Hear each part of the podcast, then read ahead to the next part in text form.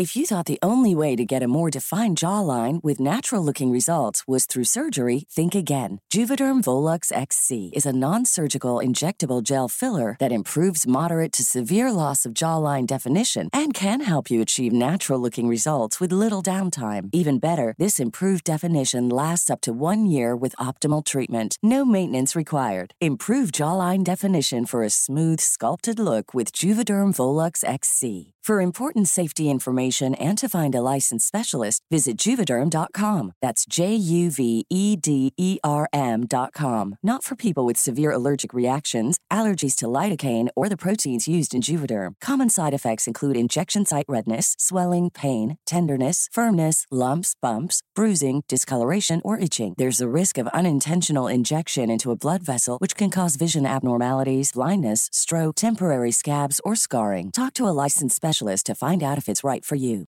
Here's a cool fact a crocodile can't stick out its tongue. Another cool fact you can get short term health insurance for a month or just under a year in some states. United Healthcare short term insurance plans are designed for people who are between jobs, coming off their parents' plan, or turning a side hustle into a full time gig. Underwritten by Golden Rule Insurance Company, they offer flexible, budget friendly coverage with access to a nationwide network of doctors and hospitals. Get more cool facts about United Healthcare short term plans at uh1.com. Millions of people have lost weight with personalized plans from Noom, like Evan, who can't stand salads and still lost 50 pounds. Salads, generally, for most people, are the easy button, right? For me, that wasn't an option. I never really was a salad guy. That's just not who I am. But Noom worked for me. Get your personalized plan today at Noom.com. Real Noom user compensated to provide their story. In four weeks, the typical Noom user can expect to lose one to two pounds per week. Individual results may vary. Så att det var enklare att ha ett konto och kunna logga in. Och så. så då började jag föra över alla dit och det exploderade. Eh, Jag, sista gången jag räknade, det var inte när jag ens hade slutat, då var det så här över 900 kontakter. Var det.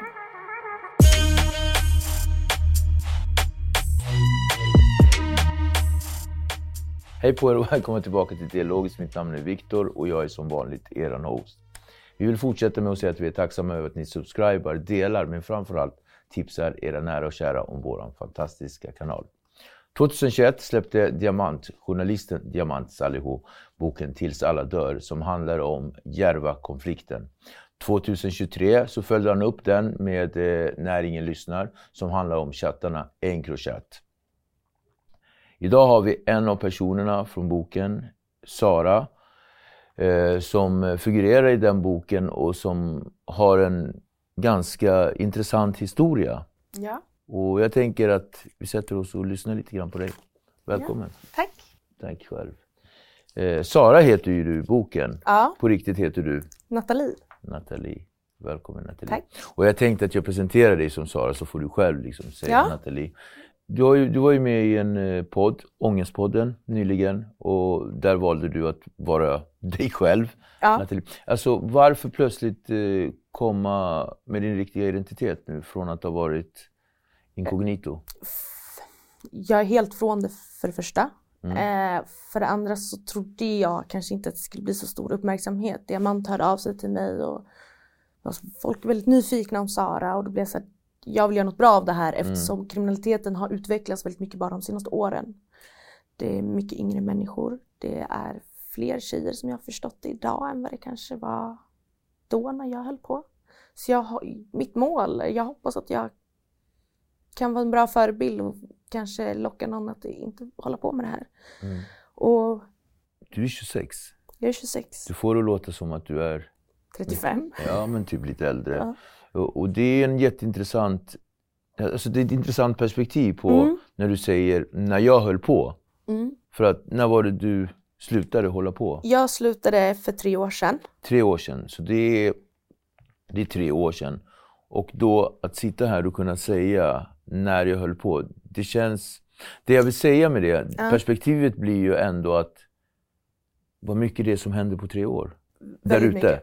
Det är så jag mycket. menar. Och mitt mål är ju att eh, kunna hjälpa ungdomar ut ur det här. Vad är den stora Så- förändringen där ute tror du? F- Från... Att det är grövre, Mm. mindre respekt åt de yngre. Och de yngre har inte samma respekt, tror jag, som jag uppfattar det. Okej. Och kanske att de äldre har, innan kanske man var, var, vände sig till en speciell målgrupp. Mm. Idag funkar vem som helst som stash, det är vem som helst som chaufför. Mm. Liksom, jag, idag är det all rekrytering om vi säger så. Mm. Det Mm. kanske inte var förut på samma Mm. sätt. Hur rekryterades du? Eller rekryterades du? Nej. Nej. Eh, det började med att jag eh, satt i en soffa hos min bästa kompis. Hade inga pengar. Mm. Eh, gick på SOS-bidrag till och med. Mm. Eh, hade lite psykiska problem. Hur gammal jag hade, var du då? Då var jag 18 och ett halvt, typ 19. Mm. Och han bara, varför börjar inte du sälja gräs? Han bara, alla du känner röker och då kan du liksom röka gratis. Det var, det var liksom det som skulle vara. Jag skulle röka gratis. Jag började dela ut mitt nummer. Från början till och med från en abonnemangstelefon för att det skulle ju bara vara kompisar. Mm. Det spreds, det spreds, jag var tvungen att fixa en ny telefon. På bara några månader hade jag så över 300 kontakter. Sen eh, de som jag, mina, vad ska man kalla det, de man köper drogerna. Mm. De använde inte mobil, de använde något som heter Wicker. Så Mm. då behövde jag skaffa Wicker. Mm. Och det var ju mycket bättre för att en telefon gick ju att tappa bort. Speciellt, jag är lite bra på att tappa bort saker. Mm. Eh, så det var enklare att ha ett konto och kunna logga in. Och så. Mm. så då började jag föra över alla dit och det exploderade. Eh, jag, sista gången jag räknade, Mm. det var inte när jag ens hade slutat, då var det så här över 900 kontakter. Mm. Var det. Okej. Eh, men jag har, ja. Men du höll, på, du höll på i fem år, Mm, Kan man ju sen säga. 90 fyra år. fyra år. Eh, hur mycket hinner man etablera eh, på fyra år? Du hinner etablera mycket på bara ett halvår. Berätta. Jag gick från att sälja ett halv hekto, Mm. kanske på en månad, det är jättelångsamt, till att det gick till per dag, Mm. minst. Mm. Jag lyssnade på en låt. Okej. Ehm, då sjunger han skicka ut, fem, skicka ut 50 innan jag loggar ut för dagen eller något sånt. Mm. Och jag kommer ihåg när jag lyssnade på den här, jag bara shit han skickar iväg 50 om dagen. Men sen när jag var där så, Tyckte inte du att det var... Ja. det var ingen grej. Jag, jag förstod att det var liksom, ja. Mm. Men Nathalie, om vi går liksom, gör en liten tillbakablick på Mm. dig själv. Vem är du? Eh, Jag eh, är idag en helt vanlig tjej skulle jag säga med lång, mycket bagage. bagaget då, vi tittar på det. Eh, jag kommer från en eh, familj där kriminalitet har funnits. Min pappa eh, har suttit livstid i nästan hela mitt liv. Mm. Han blev livstidsutvisad när jag kanske var 12. Så när jag var liten och så, min pappa han bodde ju liksom på Kumla och Hall. Det var Mm. liksom det var ju det som var normalt för mig. Så var Mm. det liksom det jag sa till folk också. Mm. Hur gammal var du när han åkte in? Jag var så lite så jag minns inte det, säkert två, tre år. Mm. Eh, och han var ju med i ett gäng. Eh, och ganska högt uppsatt i det gänget. Som jag har förstått det idag när jag blivit äldre. Mm. Jag har konstiga minnen från när jag var liten att vi, eh, vi är på en kyrkogård. Vi gräver i gravar. Mm. Eh, nu när jag har blivit äldre och pratat med en kusin. Jag trodde först att det var en dröm. Så jag Mm. berättade, jag, bara, jag har en dröm, jag är jätteliten, det är natt. Och han bara, minns du det här? Han bara, du är tre år gammal. Han bara, vi, din pappa hade liksom stashat, gömt för de som inte vet vad stash är. Droger i någons grav och var väl lite påtänd och förvirrad och glömde bort vilken grav. Okej. Så han missbrukade? Mm, det tror jag. Eh, men han sålde nog mest. Okej. Som jag har förstått det. Eh, han Jag tänker om han var påtänd Ja, han missbrukade men jag tror inte han var narkoman. Det tror jag inte. Eh, alltså att han brukar dagligen. Eller Jag vet inte. Jag var så liten så det är så svårt. För för mig var ju det min pappa. och Jag var ganska rädd för min pappa när jag var liten. Mm. Eh, för att eh, han är ju syrian. och jag är uppväxt med min mammas sida som är svenska. Mm. Bara det här att de är väldigt högljudda, att de går nyp i kinden, det var så jätteläskigt för mig. Så jag, jag var alltid väldigt avvaktande mot honom när jag var liten. Eh, och jag förstod ganska tidigt att min pappa var kriminell. Mm. Eh, gjorde jag. Och din pappa var ju med i OG. Ja. Och eh, det var ju ett fullskaligt krig mellan OG och, andra Ja. under en stor del av din uppväxt ja. kan man ju säga. Eh, han åkte in på livstid för eh, mord. Jag vet inte om det var mord faktiskt. Det har varit lite olika saker. Jag har aldrig läst hans domar. Nej. Jag vet att när jag var liten så sa jag att min pappa var tjuv. För att, och jag frågade min mamma flera gånger, har min pappa dödat någon? Jag vill veta det. Nej, hon har inte dödat någon. Sen när jag var äldre stötte jag på, väl fult att säga springis, men det var väl det han var på den tiden. Vad är en springis då, tänker du? Någon som får göra skitgörat, en ung, en ung människa. Så jag stötte på den här människan i vuxen då, inte är det fortfarande.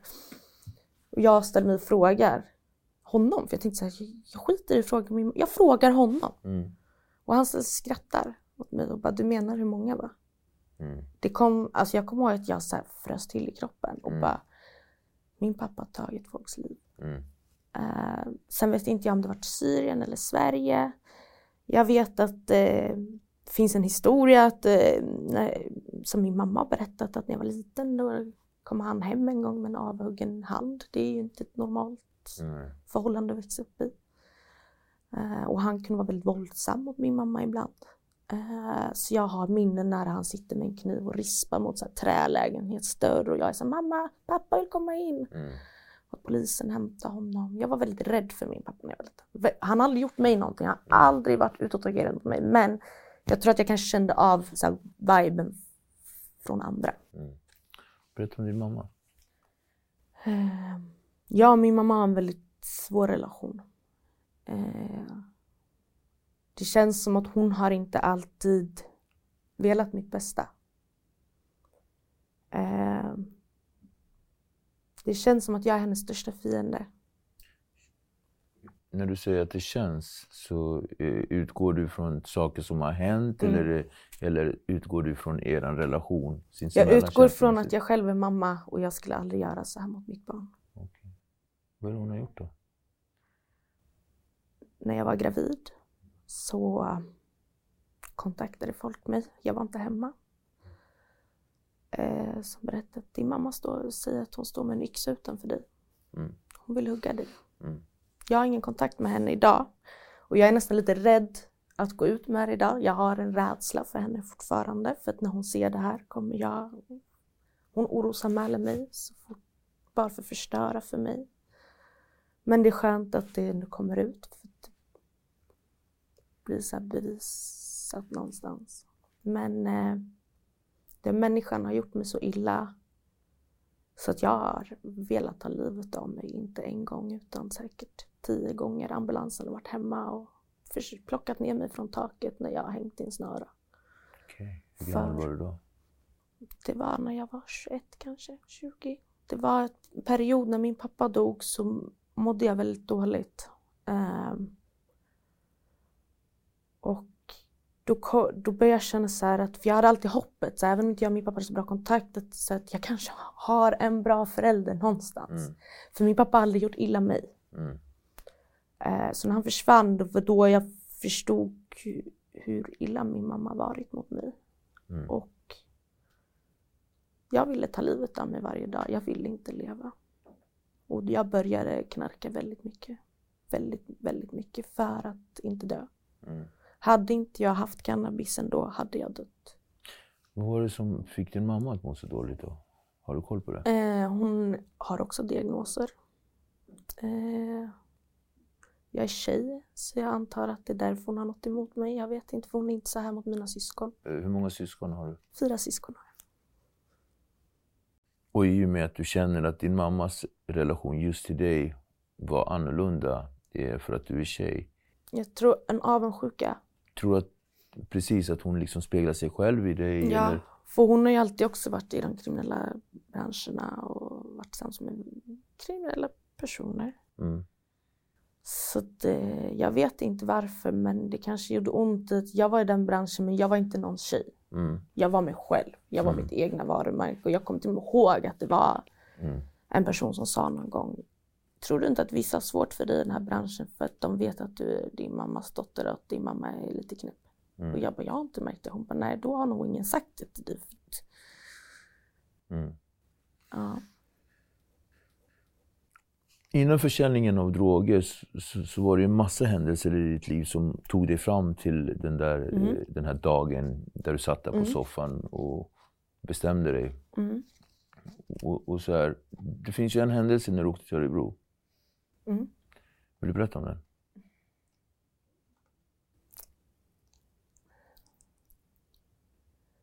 Vi ska åka eh, bil. Mm. Är ganska liten. Mm. Och jag märker, jag åker med eh, min mamma, Mm. Två kompisar till henne. De är ganska unga, de är 19-20. Min mamma var ändå typ 35 då, kanske Mm. 30, jag vet inte. Ingen av dem har körkort. Jag märker att en eh, person i joggingdress följer efter oss när vi parkerar bilen. Vi har span. Okej. Vi åker till en parkering på McDonalds. Min mamma försvinner. Jag är själv med de här killarna. Jag kände den ena killen han följde med min mamma så jag fick vara kvar med den tredje killen som jag inte kände. Mm. Och eh, fast jag var så liten så visste jag att de hämtade droger. Jag visste det. Även om jag kanske inte kunde uttala vad droger Jag visste att det var i alla fall något förbjudet vi skulle hämta. Mm. För att jag hör en säga om något händer på vägen, jag sväljer det, jag sväljer det. Mm. Eh, och jag vet att när de lämnar mig i den här bilen, jag känner mig ganska otrygg med den här personen. Förmodligen för att han kanske var påverkad eller något. De här barn känner ju av det, ganska lätt påverkade människor. Och det slutar eh, med att jag tror att han bara vill vara snäll men han säger någonting så här. Du kan ta av dig strumpbyxorna om du vill. Han gjorde inget äckligt men jag vet att jag tänkte att nu kommer jag kanske bli våldtagen eller något. Alltså för det var så konstig grej att säga. Förmodligen kanske han menar så att du kan sova, ta av dig kläderna om du vill. Men det var så oh, jag visste inte när min mamma kom och jag såg henne försvinna i en annan bil. Mm. Och jag vet att hela resan hem från det här var jag rädd. För att de pratar ju så mycket om om polisen kommer, om polisen kommer. Förstår. Och, och vad är det med den, den här händelsen som liksom har satt sin prägel hos dig?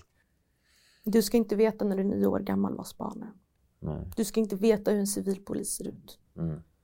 Utan att någon har berättat för mig så förstod jag allt det här. Mm. Jag var nio år, såg vitt pulver i trappan någon gång. Det var tvättmedel men jag sprang ändå upp. Mamma det ligger vitt pulver i trappan.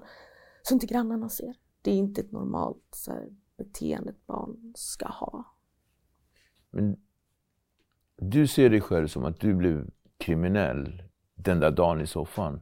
Ja, Eller?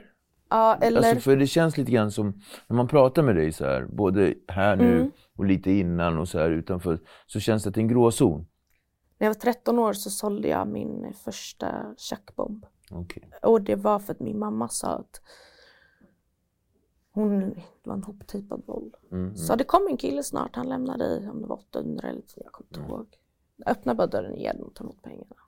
Fast, fast det är inte riktigt samma sak. Det är Nej. ju mer att du gör det Åt någon annan. åt, åt, nej, men åt din mamma. Mm. Så du är liksom, man kan ju se det lite grann som att, Jag blev född i det här. ja, Mm. eller ja, ja. Ja. Men, men att du går ett ärende kan man ju se, Ja. den, den grejen. Men när tog du ett eget aktivt beslut? Det var där i soffan tror jag ändå. Och då är ju du ändå bara några år äldre än Ja, den det är här. 19. Och det gjorde, jag var ju väldigt mån om att jag ville ha pengar. Mm. För att jag kom, min mamma hade inte så mycket pengar när jag var liten. Och Mm. jag, det var dagar liksom, hon sa idag får vi äta extra mycket i skolan för jag har inte råd med middag. Jag vill aldrig leva så. Eh, Så jag har varit väldigt duktig på att spara pengar. Mm. Jag tror att det var det när jag såg att pengar kom in, det var det som gjorde också att jag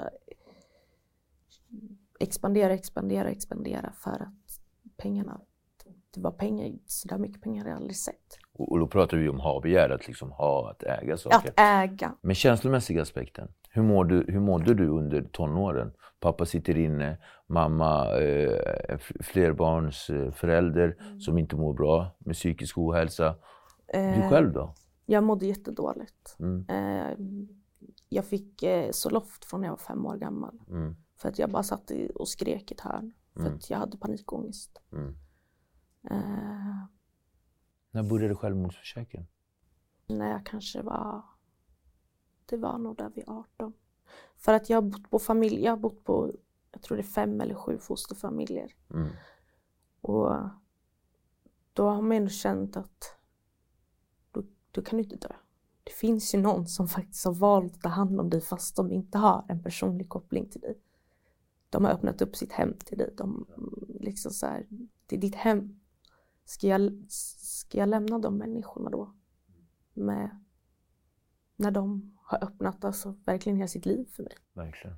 Och då när man var 18 och flyttade ifrån då, då känner man så här att dör jag, det är ingen som saknar mig. Mm. Känner du så? Jag vet att min, eh, min dotter, jag skulle aldrig göra det idag för att jag har ett barn. Mm. Så jag vet ju att det skulle inte gå. Men hade inte jag haft barn så hade jag nog känt så fortfarande, ja. Att ingen skulle sakna mig om jag dog. Så tror inte jag. Nej, jag tror inte heller det, men när man är i sin grova ångest och man inte har en mamma eller en pappa, Mm. då kommer de tankarna mycket. Och att ens pappa valde bort den. Mm. Jag förstår ju idag när jag blivit äldre att han kanske gjorde det med flit för att inte det, som du säger, var, det var krig. Mm. För att inte jag skulle råka illa eller liksom så. Mm. Men som barn var det väldigt svårt så att dina föräldrar valt bort dig. Det, an, andra vuxna vill hellre ha dig i sitt hem än din egna familj. Mm. Så att, ja. Eh, vad fick dig att mot alla odds ändå i det här eh, må, dåliga måendet och destruktiviteten att ändå kunna gå, gå vidare? Och, Jag har ett mål som fortfarande finns. Det är Mm. att jag en gång i mitt liv ska ha haft ett fosterbarn mm. och ta hand om. Och hjälpa så som de hjälpt mig. Och jag tror att den tanken har räddat mig många gånger. Att dör jag eller försvinner jag, gör inte jag bra från mig. Vem ska rädda det barnet som de räddade mig? Mm. Jag kommer inte kunna ta hand om något fosterbarn en dag, men kanske om tio år. Mm. Mm. Jag tror att den tanken har funnits väldigt länge. Att så här, jag vill hjälpa till. Men om vi tittar på dina placeringar då. Hur, hur känner du att du har blivit eh, omhändertagen på dina placeringar? Har det varit bra människor du har haft runt omkring dig? Jag har haft två bra placeringar. En familj, de var verkligen guld. Mm. När vi var på så här hundutställningar och grejer, Mm. de bara då skulle hon vara här mina barn, så var det henne, hennes son och så var jag. De bara, men du har väl ingen dotter? Hon bara säger att det är min dotter, då är det min dotter. Du vet, det var inget så här, ingen skulle fråga. Och hon liksom var så här, hon bara, det känns som att du är mitt barn men att du har varit försvunnen i hela, och att du kom tillbaka till oss. Mm. Eh, De gav mig så mycket kärlek den här familjen. Eh, dock var jag ung och dum, ville inte bo kvar hos dem för att det var inte i Stockholm. Kände du dig otrygg? Nej, jag kände mig inte otrygg. Det var att jag hade inga vänner och när man är ung vet vill du tillbaka till dina vänner till stan och sådär. Eh, sen hamnade jag hos en annan fosterfamilj, där bodde jag i sju år sammanlagt. Eh, och det var en ensam kvinna. Eh, och eh, hon gav mig det bästa livet man kunde ha. Jag var utomlands fyra gånger på år. Mm. Vi levde på en stor hästgård, vi hade pool. Det där, om man är från en sån misär som jag var ifrån, allt det där du kunde drömma om Mm. kunde hon ge mig. Och där bodde jag tills jag blev 18 och ett halvt. Och det var efter där jag slut började också med drogerna. Jag ångrar idag att jag kanske inte bodde kvar, för jag hade fått bo kvar. Då hade jag säkert bott kvar på den här lilla gården, jobbat där och haft ett hus, haft körkort, allt det där. Men stan var för mer intressant. Stureplanslivet var för mer intressant. Det var för långt att pendla och grejer. Så det blev att jag liksom avslutade min placering, vilket jag aldrig borde ha gjort. Mm. Okej, så, så, så det snabba livet, eh, det, det ropade på dig och eh, du började med försäljning. Mm. Fanns det någonting, alltså för du sålde ju gräs. Mm. Och det slutade med att jag sålde till slut kokain också. Okej. Eh, Mm, mm. och lite annat. Men gräs Men var liksom... upplever någonstans... Ja. gräs var min huvudgrej, det andra var sidogrejer för att bara kunna mätta kundernas magar så att de inte gick till någon annan. Fanns det liksom eh, något sätt för dig där du, hur ska man säga, att du använder det som en ursäkt, alltså liksom att ja, gräs är inte lika farligt Ja. som andra droger. Alltså, Ja. var det, Helt klart, alltså man hade ju så hela tiden bakhuvudet, det är lagligt i andra länder. Mm. Så jag såg ju inte mig själv och sen som en kriminell, alltså jag gick inte ens, jag går inte ens över, rö, över röd gubbe, jag skräpar inte ens ner i naturen. Du vet, så här. Jag är jättelaglydig på alla andra sätt.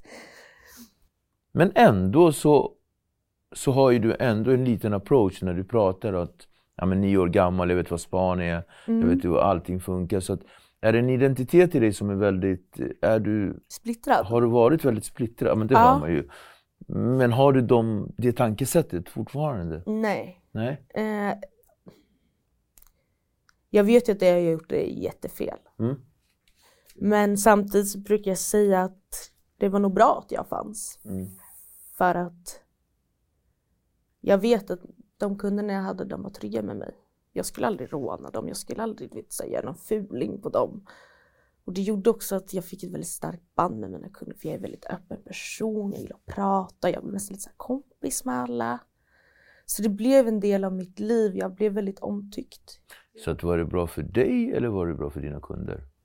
Kanske var mer bra för mig, jag tror att det, mm, alltså i hjärtat kändes det bra.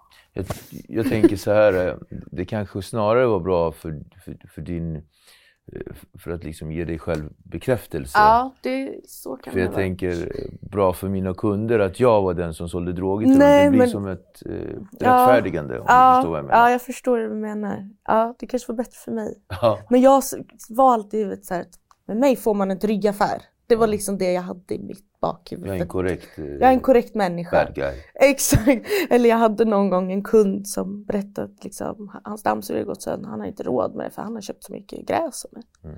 Hon hade liksom inte betalat hyran på tre månader. Jag fick så dåligt samvete så jag Du gav. betalade hyran. Nej, det gjorde jag inte. Men jag gav honom en dammsugare. Okej.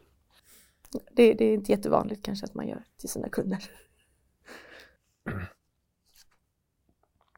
Men om vi tittar på, på intressanta tankemönster. Om, om, om vi tittar på, på det det gav, det känslomässigt. Då, vi har ju tankemönster, man hör ju liksom att det är mycket rättfärdigande och, och, det, och det är ett ganska mycket utvaldhet och sådär. Mm. Men vad gav det dig för kickar? Vad fick du för kickar liksom? Jag blev väldigt populär. Mm. Identitet. Ja, jag var Status. smart. Mm. Typ, I den branschen, bland de här människorna, jag var en smart tjej. Mm.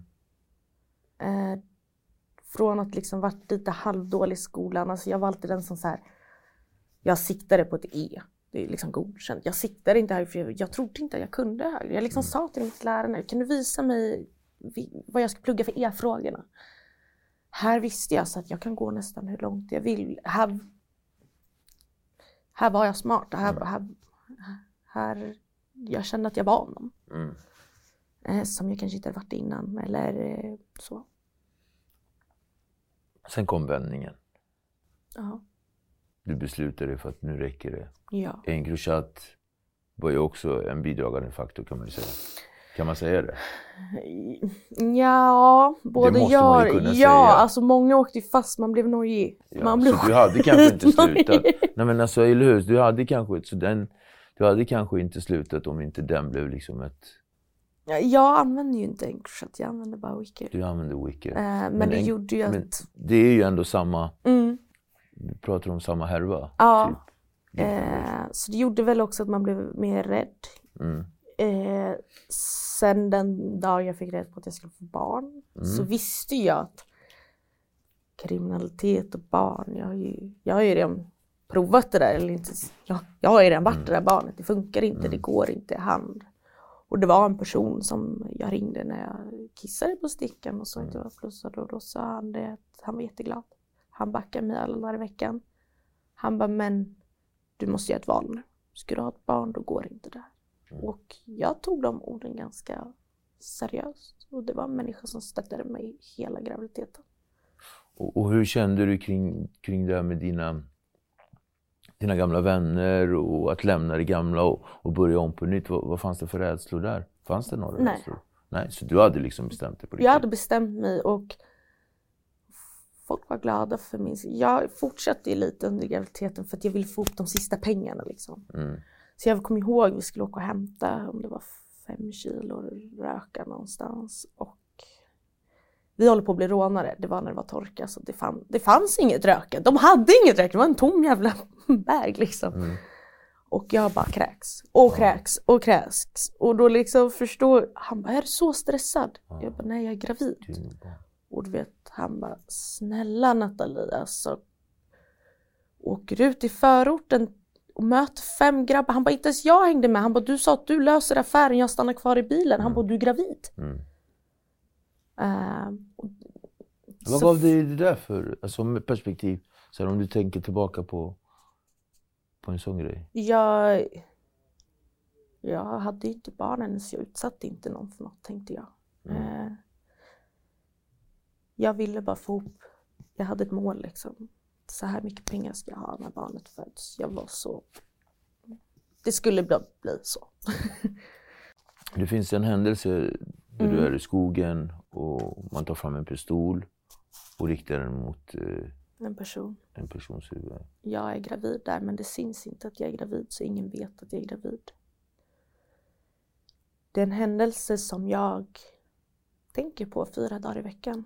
Okej. Jag drömmer om den fortfarande, mardrömmar.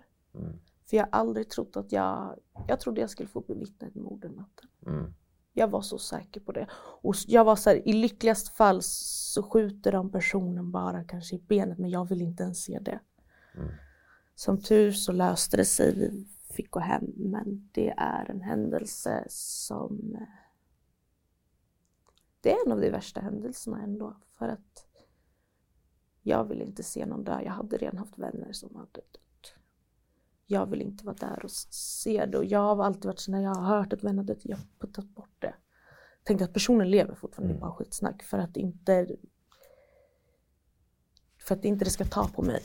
För jag är en väldigt känslig människa i den här branschen som var, du kan inte vara så känslig som jag egentligen var.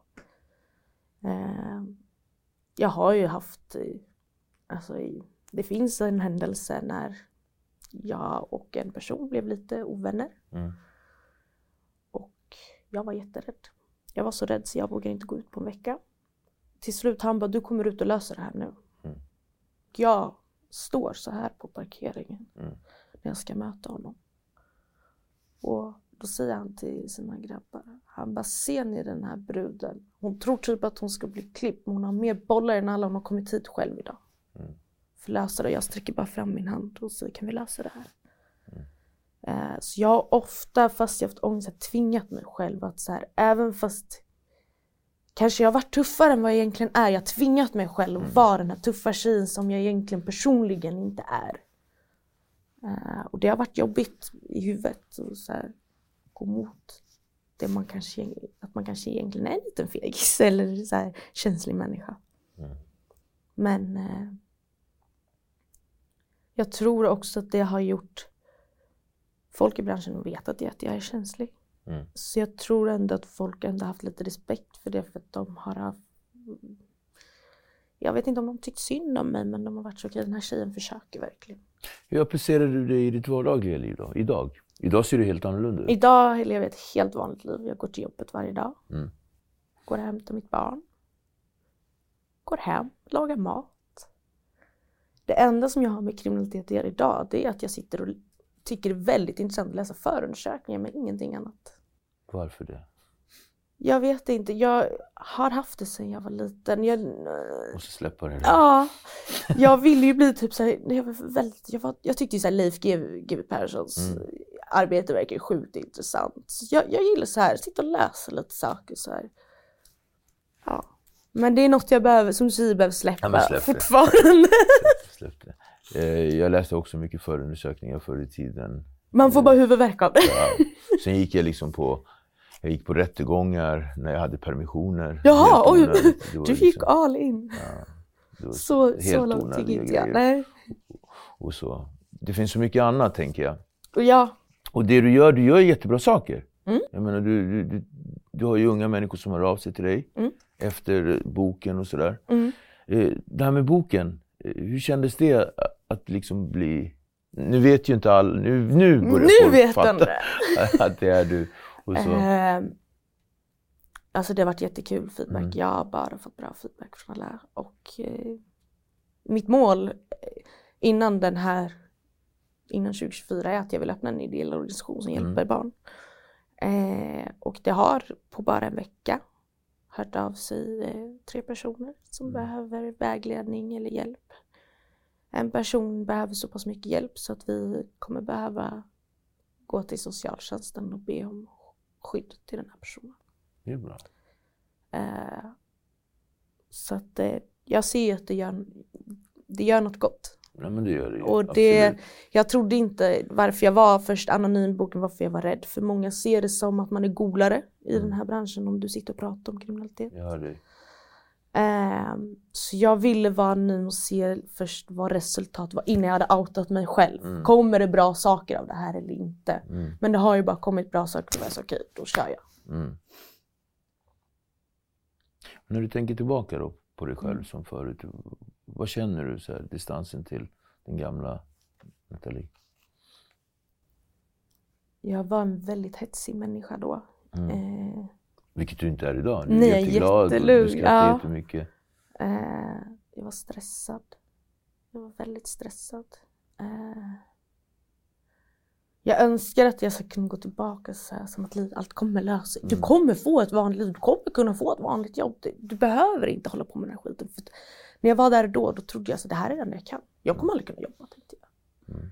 Eh, jag, jag. Mitt självförtroende i det normala var liksom här nere och i den branschen där uppe. Så det var så att Mm. jag var så i det så att jag önskar att någon bara hade kunnat ta mig åt sidan. Bara så att det, det finns faktiskt jobb man kan få fast dö- du kan få ett vanligt liv efter det här. Men jag trodde inte det då, jag var så inne i det. Ett drömläge om två år. Två år, jag hoppas att eh, jag kan jobba på heltid med att bara hjälpa ungdomar. Kanske Mm. till och med ha ett eget företag, att det går runt så pass mycket. Mm. Att jag... Eh, jag hoppas att jag har köpt ett hus, men jag tror inte det blir om två år. Jag tror att det är nästan fyra till sex år. Mm. Men jag, jag blivit jävligt stolt om jag klarar det på två år. Ja. Eh. Du bor i Stockholm. Ska du flytta hit igen? Jag ska flytta hit igen. Jag har bott i Göteborg Mm. eh, under ett och ett halvt år och flytten till Göteborg var inte frivillig. Eh, jag fick en polis eh, som inte körde så sch- schysst spel mot mig och ville så gärna sätta dit mig så att han tog med droger där jag befann mig. Okej. Det var inte mina droger. Så att jag hamnade i ett läge, eftersom jag hade slutat, att ska jag vinna den här kampen mot då måste jag flytta. Mm. Alltså jag kan inte ha ett krig med en polis som vill sätta dit mig. Nästa gång tar inte han dit tre gubbar ladd. Nästa gång Så kanske du, han tar så du menar han planterade droger? Ja. Och jag hade det här på film också. Jag tror han gjorde det här på en annan person innan. Och jag hade en film. Mm. Och jag skickar in filmen till polisen. Och bara vad gör ni? Mm. När man ser att han lägger den i en trappuppgång. Mm. Jag tror att den här människan kom efter mig för att han har förmodligen fått ha en diskussion med någon chef om den här filmen och så ville han inte mig väl efter det. Jag har skydd identitet idag. Delvis på grund av det. Eh, Mm. Så att eh, flytten var inte... Det var inte att jag ville flytta dit, det var att jag kände att jag behövde det. Och det här skyddade identiteter, hur går det ihop med, du har varit med i Ångestpodden, du är med här. Eh, det är ju Känner bara, att det jag har ju, eller jag har inte skydd, sekretess heter det, Sekretess, ja. sekretessmarkering. Så det är inte att jag inte bytt namn eller personnummer eller något. Det är bara att du hittar inte min adress Mm. du söker. Sekretessmarkering. Eller mitt namn. Det är viktigt så att vi ser, Ja. för många kanske inte Ja. förstår, du tänker de blir Så confused. att eh, jag har, får ju ha sociala medier, jag får liksom heta mitt namn och allting men jag får ju inte gå ut och säga, skulle jag berätta här vart jag bor då bryts den till exempel. Men annars så lever jag ett helt vanligt liv. kommer gå jättebra för dig. Ja, det hoppas jag också. Helt övertygad om det. Ja, vi har någonting som kallas dialogiskt loggboken. Ja. Från en sak till en annan. någonting kanske lite roligare. En tidigare gäst skriver någonting till kommande gäst Mm. och kommande eh, gäst som du skriver till får läsa det du har skrivit och så vidare. Och sen så förhoppningsvis så har vi mängder med material här från kända och okända, Kul! glada, mindre glada och positiva människor. Ja, men positiva som du. Ja. Eh, Så här har du någon som har skrivit till dig så du ska få läsa. Tidigare gäst Yes. skrev till dig och så får du skriva Hur definierar du lycka? från Simon Superti va? Ja. Mm. Lycka är när du, för mig, är när du inte behöver kolla dig bakom axeln. När du inte behöver längre när någon knackar på min dörr idag då vet jag att det, är- det, är, liksom, det är inte polisen som vill mig någonting. Det är förmodligen grannen som ska fråga om toapapper. Liksom. Att eh, leva ett normalt liv för mig, lycka att kunna gå hem varje dag till mitt barn. Titta på vanliga saker, prata om vanliga grejer. För mig är det lycka. Och lycka för mig också hjälpa andra människor till en bättre plats. Om jag kan. Kan inte lova att jag lyckas, men jag kan försöka. Det är, det är lycka för mig. Ska du få skriva. Tack för att du kom. Ja, tack. Tack så mycket.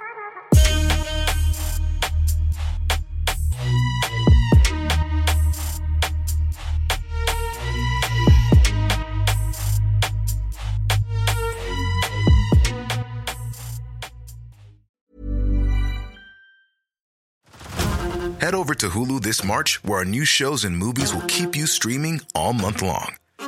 Catch the award winning movie Poor Things, starring Emma Stone, Mark Ruffalo, and Willem Dafoe. Check out the new documentary, Freaknik The Wildest Party Never Told, about the iconic Atlanta Street Party. And don't miss FX's Shogun, a reimagining of the epic tale, starring Anna Sawai. So, what are you waiting for? Go stream something new on Hulu. How would you like to look five years younger? In a clinical study, people that had volume added with Juvederm Voluma XC in the cheeks perceived themselves as looking five years younger at six months after treatment. Look younger, feel like you. Add volume for lift and contour in the cheeks with Juvederm Voluma XC. Reverse signs of aging by adding volume to smooth laugh lines with Juvederm Volure XC. For important safety information and to find a licensed specialist, visit juvederm.com. That's J U V E D E R M.com. Not for people with severe allergic reactions, allergies to lidocaine, or the proteins used in Juvederm. Common side effects include injection site redness, swelling, pain, tenderness, firmness, lumps, bumps, bruising, discoloration, or itching. There's a risk of unintentional injection into a blood vessel, which can cause vision abnormalities, blindness, stroke, temporary scabs, or scarring. Talk to a licensed specialist to find out if it's right for you. ACAST powers the world's best podcasts. Here's a show that we recommend. Hi, I'm Una Chaplin, and I'm the host of a new podcast called Hollywood Exiles. It tells the story of how my grandfather, Charlie Chaplin, and many others were caught up in a campaign to root out communism in Hollywood. It's a story of glamour and scandal and political intrigue and a battle for the soul of a nation. Hollywood Exiles from CBC Podcasts and the BBC World Service. Find it wherever you get your podcasts. ACAST helps creators launch, grow, and monetize their podcasts everywhere. ACAST.com.